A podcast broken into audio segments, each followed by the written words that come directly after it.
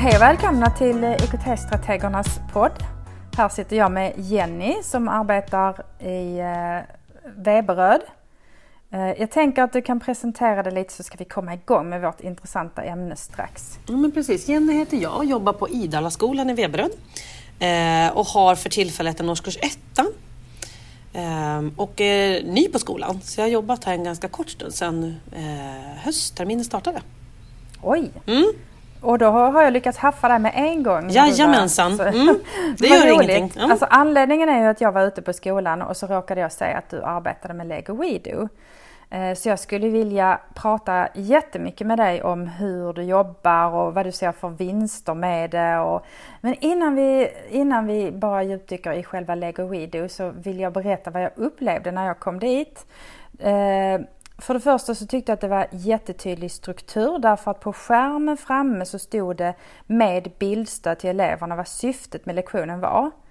Så att de visste vad anledningen var. Och sen tog det upp också vilken ordning vad de skulle göra, också med bildstöd. Så att jag upplevde att eleverna behövde inte alls eh, fråga och undra utan de, de var, det var klart och tydligt. Ja men precis och det, det är det jag vill åstadkomma med den där strukturen. Alla helst när vi ska göra någonting så himla praktiskt och alla ska vara igång sen. Eh, så om de liksom tappar tråden eller liksom fokuset försvinner som det lätt kan bli eh, så kan de alltid återgå till skärmen och titta och ta hjälp, ta stöd. Eh, så att det, ja, det är en liten livlina. Det gör jag alla mina mm. lektioner. Mm. Och det jag också reflekterade över där då det var att det var liksom inte en massa annat på skärmen utan det var antingen var det två rutor eller så var det tre rutor så att det, det var inte en massa plotter och väldigt stilrent och lätt att bara slå en flukt där. Just det, det var det jag skulle göra i den ordningen.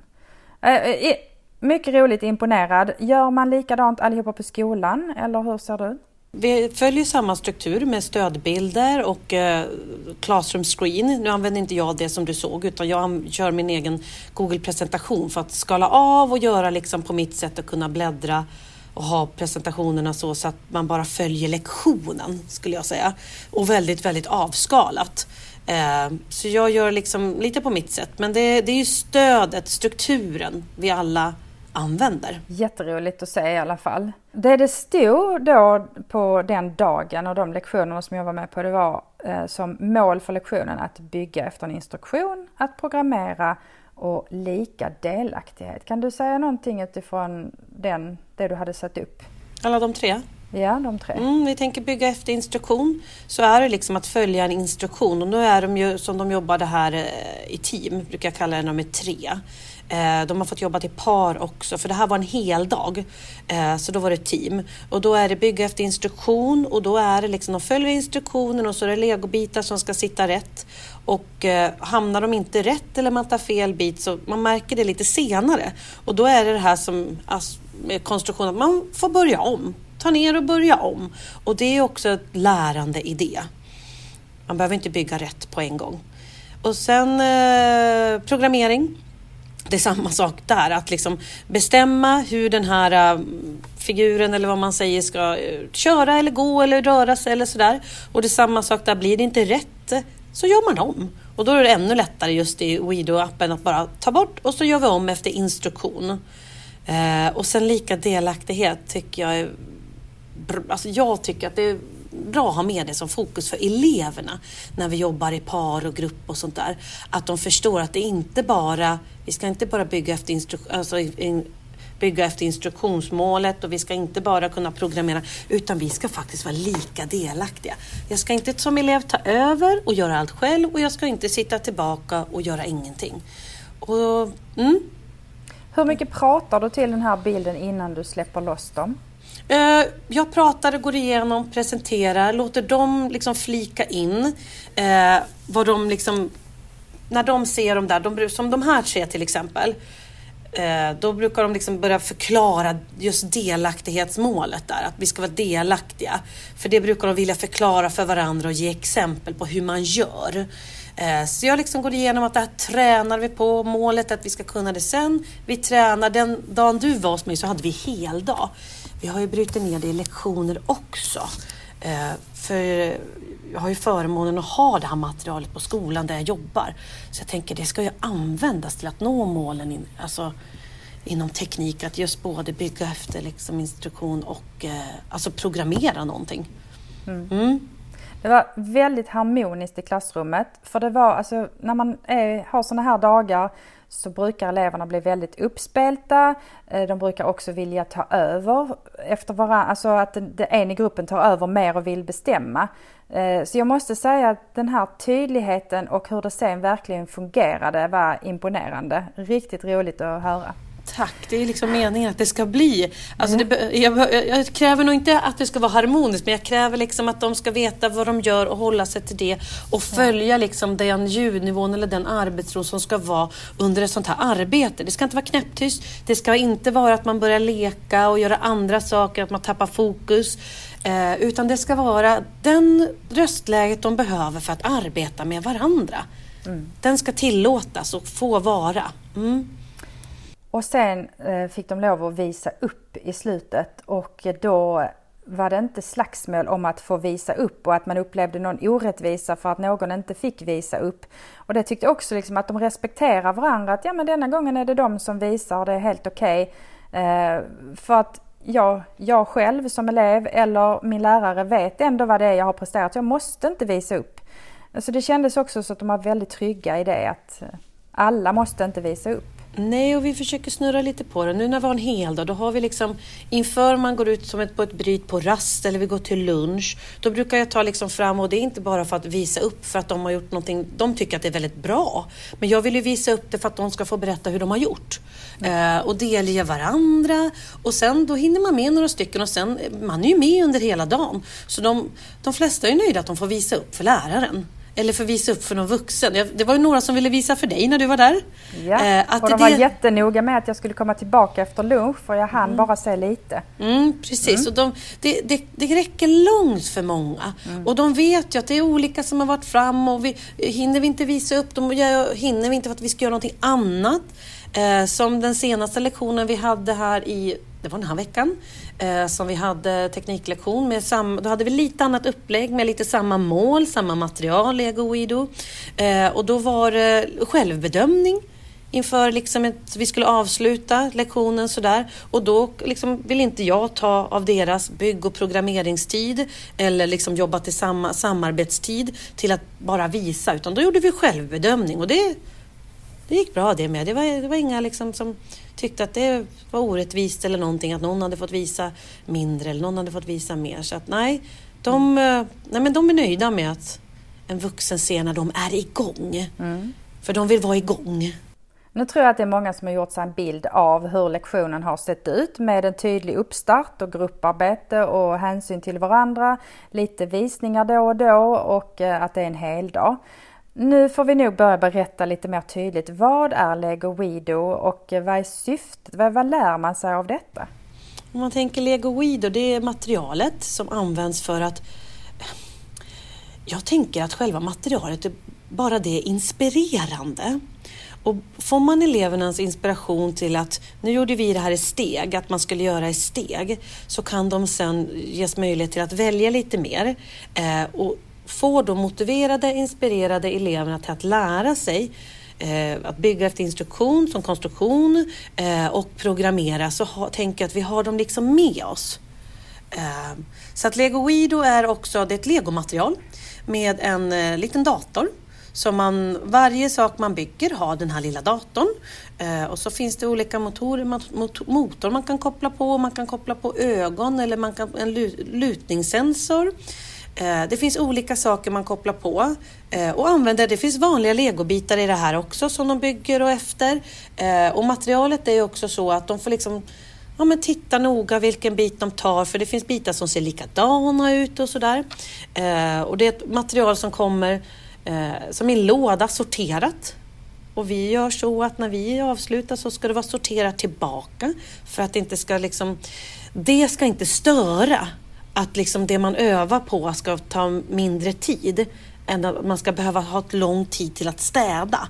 Så materialet är liksom sorterat och det liksom ska sorteras tillbaka och du använder det här materialet till att bygga olika Ja, men som till exempel en spionrobot eller till en racerbil eller en helikopter som räddar en panda. Eh, och det är eh, i olika nivåer. Eh, och det utvecklar elevernas, alltså, flera delar för eleverna. Det är inte bara att de programmerar utan de bygger och programmerar. Och det går att bygga på med teman, att skriva, att liksom ju äldre eleverna blir så finns det mer saker i appen som de kan, alltså uppgifter de kan jobba med. Lektionen du var hos mig så fick de i uppdrag att de skulle läsa det som stod innan den här lilla berättelsen, Max och Mia, eh, som man får läsa om och hjälpa. Eh, så att det, det är mycket som övas i det här eh, otroligt inspirerade materialet. Mm. Och då bygger man eh, efter instruktioner och eh, själva byggandet kan man inte göra annorlunda utan den följer man verkligen instruktion. Sen själva programkoden uppfattar jag som att det finns en mall för vad man ska göra men den kan man ju såklart tänka vidare utifrån och och det fick de lov att göra också. De gjorde först så som programmet såg ut och sen kunde de, men åh tänk om vi gör en loop här på detta så att det blir, eller spela in egna ljud kunde de göra och ja. Precis. Det är så att när man gör en sån här robot så kommer det först upp då eh, att man ska programmera efter en, eh, en, given instruktion helt enkelt. En kod som redan är som man ska liksom härma efter och göra. Och sen kommer det uppgifter på de allra första i alla fall att sen får man testa själv. Eh, och som den första man gör är till exempel en eh, vad heter det, snigel som ska blinka. Eh, och sen då får de då testa att göra liksom som de själva vill med blinkandet med vilka färger och hur mycket den ska blinka och sådär. Så de får liksom efter att gjort själva uppgiften som har med liksom målet och utvecklingen att göra så släpps de lite fria och testa. Och då testar de också gruppens delaktighet att eh, prata med varandra, komma överens, vissa röstar. När man jobbar i par då är det svårare att rösta. Då får man liksom prata och kanske komma överens om att din idé kanske börjar, sen gör vi min idé sen. Det finns ju de eleverna som inte kommer till den, att man kan faktiskt göra bådas idé. Eh, utan, eh, mm. Själva programmeringen gjorde ni då på iPad. Vet du om det går att programmera på Chromebook, på dator? Eh, jag tror att den ska vara för Chromebook. Ja. Jag är inte säker. Eh, men eh, det... Men här gjorde ni den på iPad. Hur kopplar man den? Är det Bluetooth eller hur kopplar Jajamensan. Och det är väldigt enkelt? Det, I appen är det superenkelt. Alltså mina elever gör det själva nu. Eh, om det inte är så att de är för snabba och trycker på fel. För de får då en låda med ett nummer, de får en dator med ett nummer eh, som hör ihop och sen då ska de koppla upp det blåtanden som visar det numret. Så enkelt har en kollega till mig gjort det, att han har döpt dem bara till numren helt enkelt. Mm. Kul att höra att det är så pass enkelt att de klarar det själva. Ja, och jag tänker det kräver ju också att de har... Det är, alltså, jag bara säga, det är inte första gången, men för halva klassen var det faktiskt första gången där när du var på besök. Men det är så tydligt i appen, det är gjort för att elever ska kunna inte stanna upp i lärandet och snubbla och liksom inte komma någonstans utan det ska gå liksom så att de får komma igång. Och det är det här materialet från, bra för. Från vilken ålder skulle du säga att man kan börja använda? Eh, när vi hade elevens val på den här skolan så hade vi förskoleklass. Och jag mm. tänker att Emma, har man intresse i förskoleklass eller har man en tydlig genomgång eller att man kan ha det liksom i mindre grupper så ser inte jag att det ska vara liksom så stor utmaning i användandet. Mm. Utan jag tror förskoleklass. Mm. Och hur, alltså, hur ser handledningen ut och kan du som lärare tydligt se progressionen? För du säger att man börjar med en snigel med blinkande ögon så det, det finns ju förutbestämt vad som är början. Så kan du se progressionen? Oh ja, och det är så att i början så ser man till och med vissa elever som säger att de, nej, de, de kan inte. Och då säger man nu, mm. vi börjar.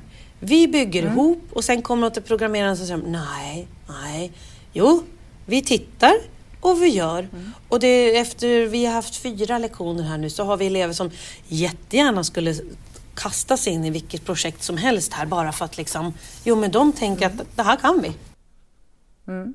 Men skulle du som lärare kunna bestämma att ja, men min klass är ganska avancerad, långt komna, så vi hoppar över några steg. Kan du, kan du då se vilket steg som är lämpligt?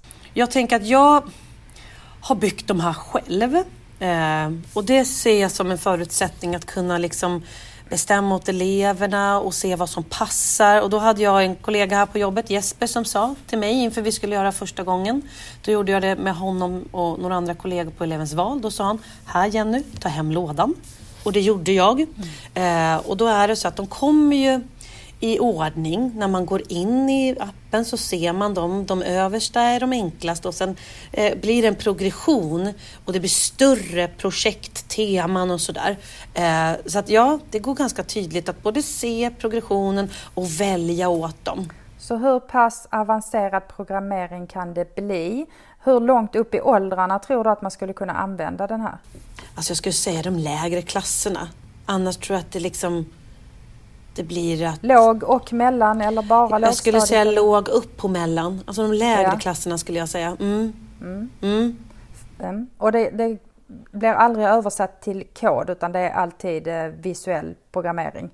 Och det kan jag inte svara om liksom så. Nej. Att, eh, nej. För det finns en otroligt massa, men jag tänker att så långt som jag tänker att mina elever ska jobba nu fram till ettan, tvåan, de går ettan nu, fram till tvåan så har jag gjort det och då är det samma programmering som du, att man sätter dit pusselbitar och fyller på. En slags programmering, man följer en instruktion. Så vi introducerar våra elever till en större värld, en annan värld också med det här materialet. Eh, för det är någonting oftast nytt för dem och lustfyllt. Så vi introducerar dem till att alltså, någon i framtiden kunna liksom och när de liksom vet att alltså halva min klass ska ju snart bli programmerare. Så, att, mm. har ni, så då har ni vidare diskussioner kanske kring var finns programmering i omvärlden, i vår närhet? Så att det leder till ytterligare... Mm. Jajamensan, de har kommit med idéer och det... Mm, ja, ja det, jag tänker det är också det det är till för att liksom att de också, inte bara det att de ska bli liksom säkra i det här utan liksom förstå att oj, allting har ju liksom en, mm. någonting bakom. Att det är liksom bestämt. Ah, de an, alltså andra appar de använder liksom både i skolan och hemma. Att det, liksom, det finns, det, det blir inte bara, utan det är liksom gjort. Liksom. Mm. Hur många sådana här lådor tycker du att man skulle behöva ha på en skola för att få det att fungera? Jag tänker vi har nio fungerande eh, och det funkar alldeles utmärkt för då kan man jobba i alla fall i team om mm. tre. Eh, delar man det lite mindre, gör man något annat system med alltså färre grupper, om man delar tre, tre gruppsystem eller halvklass och där, så kan man jobba i par. Och vill man göra det ännu mindre, har man möjlighet med det så kan man ju faktiskt låta eleverna jobba enskilt. Så att jag säger, vi, men vi är då i lågstadieskolan, eh, har de lägre åldrarna, förskoleklass till trean. Eh, vi har nio mm. stycken eh, och det, det fungerar bra. Det låter som man skulle kunna ha en eh, klassuppsättning som då kanske är 9-10 stycken och sen så får man ha ett bokningssystem. Så oavsett hur stor skolan är, hur många paralleller man har, så kanske 9-10 sådana här är ganska lagom. Ja. Mm. Det tror jag. Och de, för de ska ju mm. användas också. Det är ett material, köper man in det här materialet ska mm. man använda materialet. Tänker, jag har ju tillgång till det här så jag ser till att använda materialet. Vad, vad gör du mm. annars runt eh, Lego Video? Vi pratade om att du, du, fortsätter diskussioner kring robotar och sånt men mm. annan programmering och mm. andra, liksom, annat som hör till detta? Mm, då har vi tänkt, sen när vi ska programmera lite mer, alltså, eh, så har vi programmering som vi gör, som vi då säger att vi har mattelektioner till exempel. Och programmera, programmera varandra, alltså po- programmera också analogt. Eh, är viktigt så att man, eleverna inte bara eh, är i den digitala världen utan programmera analogt. Liksom gå, eh, göra en väg åt din vän, visa den vart den ska gå eh, är väldigt viktigt. Mm. Sen har jag jobbat tidigare med andra slags appar och program som Scratch och Bibot och sådär. Eh, och här har vi också eh, bottar som man kan programmera. Ja, men, eh, du har en matta med alfabetet eller du har en matta med världen och man programmerar den vart den, vart den går någonstans. Eh, så vi har faktiskt två olika material här, alltså fysiskt material mm. att ta till. Eh, och det tror jag också behövs. Och sen också ja, men lära eleverna om att det du säger till datorn att göra, det gör den. så säger du det du säger. Blir det fel någonstans, då gör datorn fel någonstans. Då får man liksom börja om och det gör ingenting. För ta isär saker är lite lättare än att sudda och göra om. Utan man plockar isär och man börjar om. Eh, vi har ju på, i WIDO-materialet så finns det eh, ögonsensorn eller, eller synsensorn och en lutningssensor. Och de ser ganska likadana ut. Och den tabben gjorde jag själv när jag byggde första gången i min iver att liksom tyckte det var så himla kul att bygga. Eh, satte fel. Det blev inte alls som jag hade tänkt. Då får man liksom gå igenom alla steg. Vad är det vi har gjort? Och i instruktionerna i Weedo-appen så bläddrar du tillbaka. Så att det är... Mm. Jag är jättenöjd. Det var väldigt inspirerande att få vara med och få höra allt detta ifrån dig och jag hoppas att vi nu har lyckats inspirera många till att eh, börja jobba med Lego WeDo. Och om man jobbar i Lunds kommun så eh, kan man höra av sig till dig tänker jag om man har fler mm. frågor. Mm. Det, jag säger att eh, har man materialet också redan på sin skola så använd materialet för elevernas eh, måluppfyllelse helt enkelt.